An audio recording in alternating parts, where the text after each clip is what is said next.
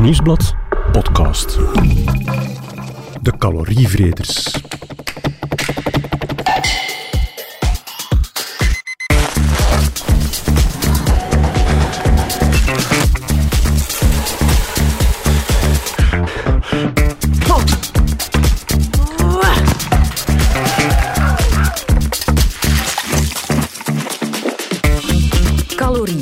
Slaan ze elke dag massaal in. Maar hoe geraken we ze ook weer kwijt? Door te sporten? Door te stressen Door te poetsen? of door helemaal niks te doen. Ik ben Stefanie En ik ben Jeroen. en wij zijn de calorievreters.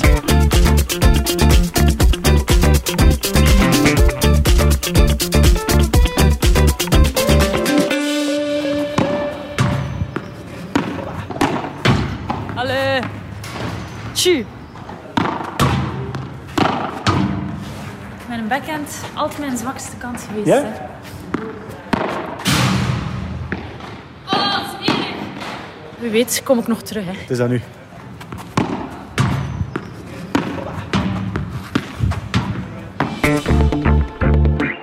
Ja, Jeroen, kijk, ehm, dat was pijnlijk, hè? Voor mij dan. Ja, sorry.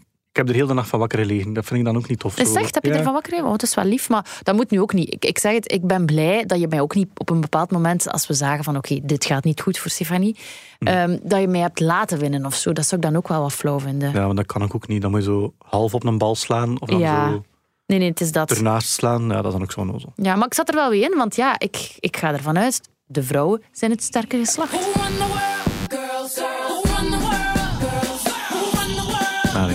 Dat is het eerste cliché al. Hè? Ja, en bereid je voor op meer, want het is een cliché-aflevering. ja, toch? Kijk, we gaan de, in deze zesde aflevering van de Calorievreters een beetje focussen op de man-vrouw verschillen, gelijkenissen. Ja. Al dan niet. Dus voilà, het zullen een beetje clichés zijn. Maar eh, ja, we gaan natuurlijk een beetje verder dan de clichés. Het is wel de bedoeling dat we, zoals altijd, onderzoeken waar het verschil zit als het gaat over bewegen, als het gaat over eh, calorieën bij mannen en bij vrouwen.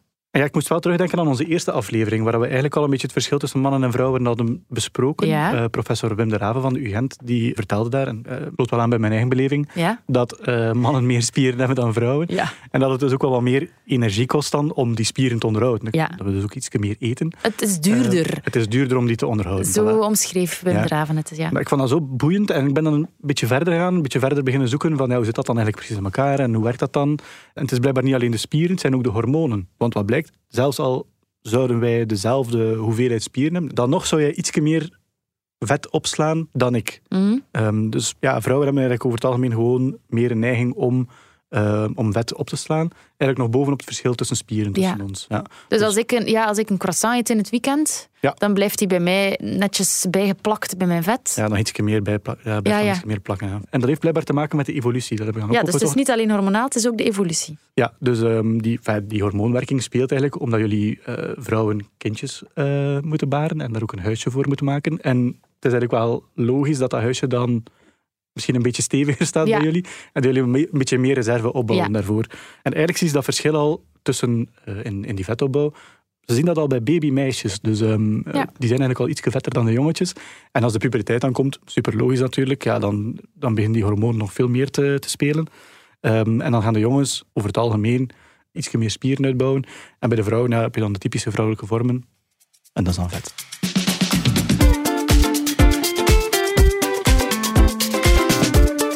Zijn vrouwen luier dan mannen? Natuurlijk, als je er dan over nadenkt, het is toch niet omdat vrouwen wat meer vet hebben of een ander metabolisme, dat vrouwen luier zijn dan per se. Ik ben opgevoed door een alleenstaande moeder die 100% zeker veel minder lui is dan ik zelf. Ja, ja, nu wel. Kijk, ik ik ga er ook niet van uit, maar laat ons het gewoon eens zo'n Fitbits eens ja. naast elkaar leggen. hè. We hebben hier nu al weken aan. Ja. Tot vervelend toe, vind ik soms. Maar goed, we kunnen er wel iets uit leren. Wel- Welk beeld krijgen we daarvan? Oké, wel, hoeveel stappen heb jij dan gemiddeld per dag?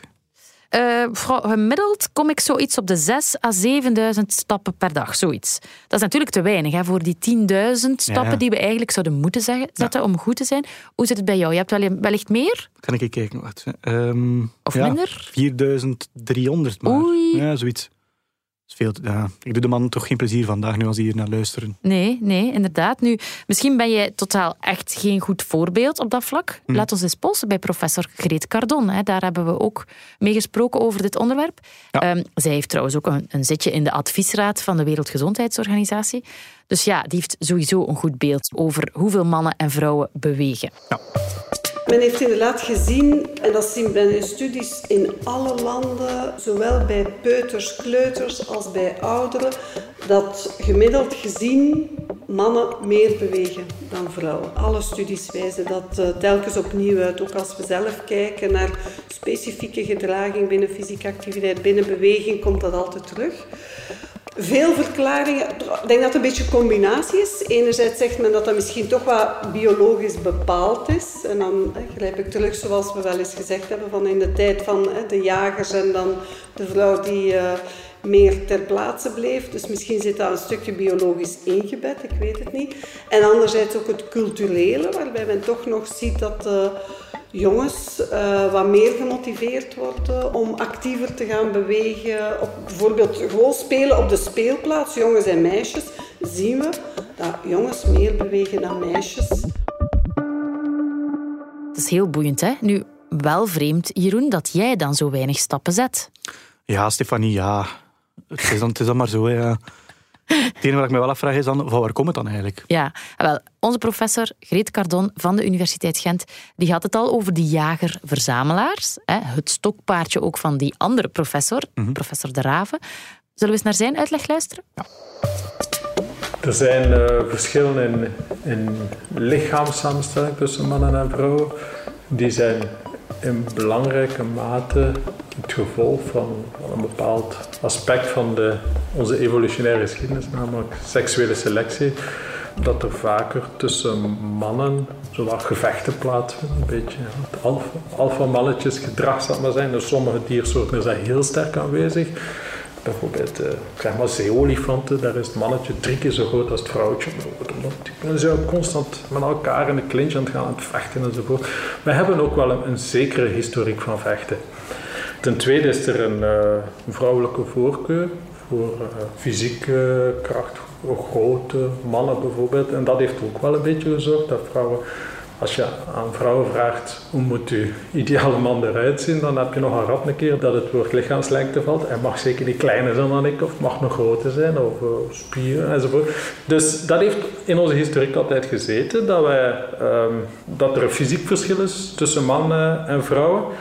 Dat er ook een, een verschil is in beweeggedrag eigenlijk, hoeveel dat, dat mensen bewegen, heeft meer te maken met de, de rol die, die jager-verzamelaars eigenlijk eh, kregen, waarbij dat de, de man vaker de jager was en de vrouw vaker de verzamelaar. Waarbij dat het jagen gebeurt op eten dat voetjes heeft en dus verder verspreid ligt van het kamp, zal ik maar zeggen. Dat je langer moet achtervolgen, dat je veel meer afstand moet overbruggen om dat soort eten te vinden.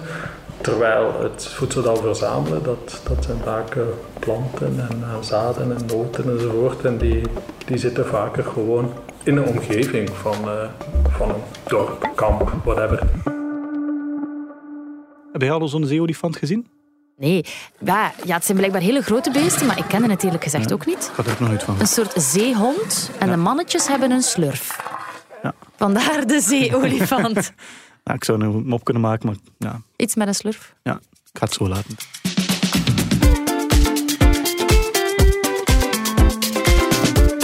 Zijn vrouwen luier dan mannen? Bon, het antwoord is dus, verrassend misschien, ja, in theorie bewegen vrouwen een stuk minder dan mannen. Mhm. Wat ik me dan afvraag, hebben jullie dan eigenlijk nadeel ten opzichte van de jongens? Want ja, we hebben die bewegingsdoelen van de WHO. 150 minuten per week bewegen, nog wat krachttraining erbij. Ja, als je dan minder beweegt, ja, mannen hebben het dan misschien wel makkelijker om dat te bereiken. Ja, vrouwen moeten daar blijkbaar effectief wel voor opletten. Mhm. Dat heeft professor Cardon ons gezegd. Ik denk zeker dat we de meisjes meer aan sporten moeten krijgen. Daar moeten blijvende inspanningen voor doen, want dat is niet goed dat zij eh, minder bewegen, waardoor dat zij echt wel een, hoger risico hebben op bepaalde aandoeningen. Dus is zeker zo dat we extra inspanningen moeten doen om die meisjes nog meer aan het bewegen te krijgen. dan ten opzichte van de jongens. We zien bijvoorbeeld risico uh, overgewicht, de, de chronische aandoeningen, eigenlijk al die gezondheidsrisico's die er zijn. Gelinkt aan de hoeveelheid beweging, door het feit dat zij minder bewegen, hebben zij een hoger risico. Wij hebben nu allebei zonen. Jeroen, jij hebt er eentje, een kleineke. Ja, ja. Anderhalf is hij. Ik heb er drie, een van dertien, een van elf en een van vier, bijna vijf. Mhm. um, maar als wij dus, dus dochters zouden hebben, dan zou ik daar misschien effectief wel wat meer aan denken of zo. Mhm. Bert, eindredacteur Bert, jij hebt twee dochters. Ja, klopt. Hoe zit dat bij jou? Um, ja, ze zijn zes en negen nu. Um, allebei wel nog actief. Ja, ze spelen graag buiten, ze lopen graag veel, doen aan sport ook als hobby's. Dus momenteel is dat geen probleem, maar ik ben er zo in mijn achterhoofd wel mee bezig. Ah, ja. ja. Um, uh, omdat je... Weet je wat je ziet? Je ziet dat die automatisch rustiger zijn. Als, als er zo feestjes zijn, uh, verjaardagsfeestjes of ze, er komen vriendjes spelen, dan die jongens die komen dat huis binnengestormd, die springen van de zetels, die lopen zich echt in het zweet in de tuin. En je merkt dat meisjes gewoon anders spelen op dat vlak. Dus Mhm. ja, ik stimuleer dat wel om genoeg maar te dat is bewegen. goed, hè? Nu, het is niet alleen bij kinderen zo, het is ook bij volwassenen zo, toch? Ja, en ik denk dat het misschien ook wat te maken heeft met het soort sport dat dan gespeeld wordt. Mhm. Voetbal is bij ons natuurlijk de koning, hè, bij de mannen en bij de jongens. Ja. En ja, bij ons op school was dat ook. Elke speeltijd werd er gevoetbald en op elke speelplaats staan er voetbaldoeltjes. En als die er niet zijn, dan leggen we wel twee assen Ja, ja, ja. om een doel te maken en dan zijn we vertrokken. En Ik deed niet mee. deed jij niet mee? Nee, nee, nee. Ik zat op het klimrek een beetje te babbelen of zo. Of, of Ja, maar dat is, of- dat is mijn idee ook altijd. Ja. Ja, en, en dat vind ik opvallend. Zo, zo, ik hoor dat nu van mijn dochters ook. Die willen wel meedoen met voetbal en ze doen dat dan ook. Maar nu komt er zo 9 à 10 jaar een fase dat de jongens gewoon naar elkaar beginnen passen en dat, en, en dat die gewoon ja, beter zijn in het voetballen. En dat meisjes dan afhaken. Dat Ah, ze zeggen van, ja, ja zonde. Ja, zonde, ja. want, want dat is wat ik mij nu als volwassen vrouw ook gewoon vaak aan stoor, dat competitieve bij mannen. Ja, sorry, maar bedoel, jullie gaan gaan fietsen, gewoon, je zou denken, oh leuk, hè, drie uur fietsen of zo, een toertje, die Strava... oh, berekeningen worden dan bovengehaald, dat wordt gedeeld, je verwacht kuddo's van een ander. Bovendien wordt daar dan nog een keer even lang nadat de fietstocht geduurd heeft overgepalaverd. Weet je nog, op die strook was ik in één keer vrij goed. Uh. Allee, dat vind ik echt, dat, dat, dat vind ik heel vermoeiend. Ja, je kunt er precies wel in opjagen. Ja, sorry. Ja, ik kan me daar vrij op. Ja, dat is juist. Maar ja, maar het is wel, voor mij is dat wel een afknapper. Ja, maar langs de andere kant, sport moet toch wel eens over gaan. Als wij nu gaan padellen en het is niet voor punten, dan slaan wij gewoon een bal over het net naar elkaar. Dat is toch saai? Ik zit daar niet mee in. Nee, ik zit daar niet mee in. Ik wil gewoon, als wij gaan padellen, wil ik wel wat goed, stevig naar elkaar slaan. Maar of dat nu voor punten is of... eh, we hebben daar toch geen uur nog zitten over nakaarten na dat wedstrijdje. Ja, ik was grandioos verloren. En voilà. Ik wel eigenlijk. In je hoofd. In je hoofd. Je had geen partner in mij op dat vlak. Nu, toch is het belangrijk dat er ook sport is waar iedereen zich goed bij kan voelen. En Jeroen, kijk, professor Greet Cardon staat mij bij in deze discussie. Ik wil dat zeker niet veralgemenen, maar we zien inderdaad wel dat dat een stukje speelt. En dat het competitieve ook heel wat meisjes een stukje afschrikt. En dat is vaak ook een beetje een vicieuze cirkel. Want natuurlijk, stel dat je bent niet zo sportief vaardig en je wil wel sporten, maar dan, ja, het is heel competitief. Jij bent dan degene die het helemaal niet zo goed doet. Je voelt dat wat slechter, dus dat gaat ook wel afwaken. En dat is wel jammer. Dus dat competitieve, dat is zeker iets dat wij bijvoorbeeld in, ehm, in LO-lessen of ook in sportclubs proberen een stukje af te remmen. Het is goed dat diegenen die competitief zijn wel de kansen krijgen om te excelleren ergens, maar er moeten wel voldoende kansen zijn om samen te sporten zonder dat dat competitieve echt speelt en dat die kinderen en jongeren die minder sportief getalenteerd zijn, evenveel succesbeleving hebben. Ja, dat herken ik dan eigenlijk ook wel weer. Want als ik zo met vrienden ga fietsen, ja, ik kan dan eigenlijk niet volgen. En wat ik dan doe in die competitie is dan zo... Het eerste bergje dat we tegenkomen, daar vlieg je dan op gelijk een zot om dan toch te proberen winnen. Oei, Om te kunnen tonen van, haha, zie je wel. En dan rijden we nog 40 kilometer verder en dan hangen we er eigenlijk zo aan. dat zijn beginnersfouten. Hè? Dat zijn beginnersfouten, maar het is het enige wat ik kan. Ja. En dat is dan een beetje stom, want dan op den duur is dat ook niet meer leuk. En dan vragen ze, ja, gaan we fietsen hier doen? En dan denk ik, ja, laat maar. Oei, dan geef je het op. Soms wel, ja. Oh. Zijn- Ja. En, en zijn er dan sporten waar dat anders is? Ja, zo'n muurklimmen bijvoorbeeld, dat is dan iets minder competitief. Dat is daar ook niet echt zo op gefocust op van, ja, ik ben veel beter dan jij. Allee, je kunt dat zo doen, hè, maar Ja. dat is daar zo niet. En dan, dat is meer, mensen zijn blij voor je als je dan iets kon.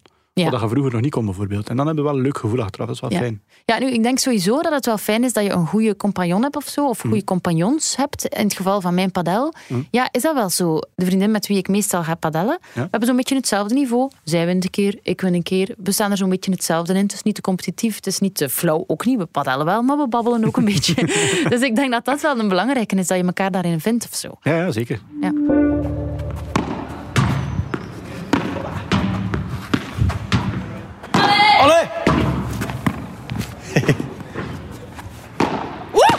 Ja. Verdikke. Ja, goed gedaan. Wel verdiend, Jeroen.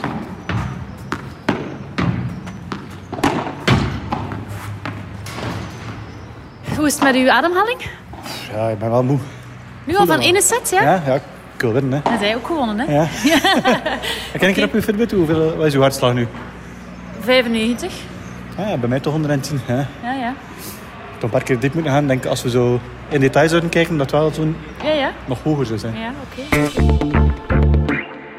Oké, Jeroen, we hebben gepadeld met onze Fitbit aan. Dat Ja. was de bedoeling. Mhm. Dus laten we anders die gegevens die we toen hebben verzameld, Ja. ehm, Nu eens kunnen we echt bekijken. de man een activiteit doen. Hè. Nakaarten over de Fitbit-gegevens van onze sport. Ja, maar we gaan het kort en bondig doen. Ja. Eh, hoeveel stappen heb jij gezet, Jeroen?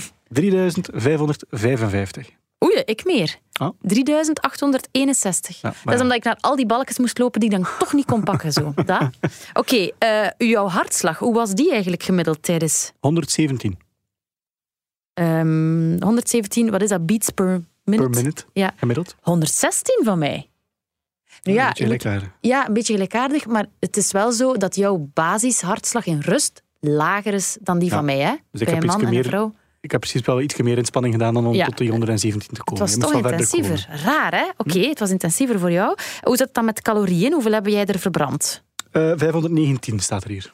252, ik. Wink. Dat is de helft. Ja. Oké, dus bijvoorbeeld een bordje spaghetti. Hm. Ik, ik weet dat dat 500, 550 kilocalorieën is. Ja, bij mij is dat al optie. Bij mij is al weg. Dat is al weggewerkt. En En ik moet, beginnen. en ik moet nog, nog een uur padellen. Ja. Heftig.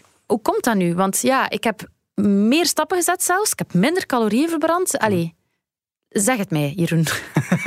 Wel, ik denk dan spontaan terug aan onze, eh, een van onze eerste afleveringen, waarin dat we het hadden over het bazaal metabolisme. Ik, om nog geen stap te zetten, ik verbrand al 1900 calorieën per dag Mhm. en jij had er maar 1200. Juist, in rust is dat, hè? In rust, ja, we hebben nog niks gedaan. Hè. Dus gewoon om te leven. En dat heeft natuurlijk alles te maken met onze verschillende lichamen. Ik ben veel groter dan jij. Ik heb meer spieren, dat heb ik al ten treuren uitgezegd. Ja, En ja, daar heb ik eigenlijk nog niks, nog niks gedaan. ja. Dus stel dat we dan beginnen te badellen. Ja, ik moet dat grote lijf van mij dan in gang krijgen. Ik kan me wel iets voorstellen dat dat dan wel veel energie kost. ja. En Ik ik schrik er denk, wel van dat dat dan dubbel zoveel is. ja, maar ik denk dat professor De Raven het wel kan bevestigen. Er zijn twee redenen waarom mannen doorgaans meer energie nodig hebben per dag dan vrouwen. Ten eerste omdat ze eh, dus per kilogram lichaamsgewicht meer energie verbruiken. Hè? Omdat dus een groter deel van hun lichaam uit spier bestaat. Maar ook omdat ze doorgaans groter zijn. Omdat ze een groter lichaam hebben. Zowel in de lengte als, als eh, het, het lichaamsgewicht is doorgaans eh, groter. Dus als je dan gaat kijken, kan dat wel tot een kwart meer energie zijn die een man gewoon in rust gebruikt dan een vrouw. Dus het is logisch dat je dan ook een, een kwart meer moet eten. Ah ja, het bordje spaghetti dus. Het is logisch, zegt hij. Ja. Jammer. Nu, Mijn bordjes spaghetti zijn wel wat groter over het algemeen.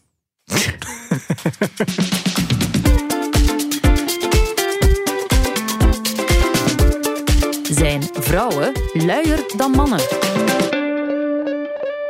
Oké, voilà, ja. Vrouwen zijn luier dan mannen. We hebben het antwoord. Hè? Mhm. Als we dat een beetje meer calorievreterachtig maken, ja. verbruiken vrouwen minder calorieën dan mannen. Ja, ook hè. Ook ja. Ja. Hè? Het heeft met onze hormonen te maken. Mhm.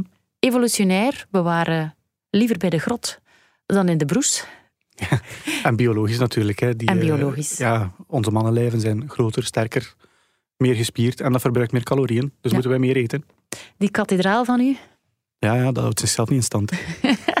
wat gaan we volgende week doen? Ah, volgende week is de, de Fitbit-aflevering. Ah, juist. Dan gaan we eens kijken Tof. in al die data. Dat doen we eigenlijk al heel de tijd. Maar ja, we vragen ons eigenlijk na zes keer al wel af. hoe komen we daar nu eigenlijk aan, aan al die gegevens? Ja. Hoe kan dat dingetje rond onze pols dat nu eigenlijk weten? En klopt dat wel allemaal? En klopt het allemaal? Ben benieuwd. Yes, tot dan hè. Dit was de podcast De Calorievreters van het Nieuwsblad. De presentatie was in handen van Jeroen de Blaren en mezelf, Stefanie Verhelst. De audioproductie gebeurde door Pieter Santes van House of Media. De eindredactie werd in goede banen geleid door Bert Heijvaart. En speciale dank aan professor Wim de Rave en Greet Cardon van Universiteit Gent. Wil je reageren? Dat kan op calorievreters.nieuwsblad.be. En als je deze podcast leuk vond, schrijf dan gerust een review op je favoriete podcastkanaal. Zo toon je ook anderen de weg. Alvast bedankt.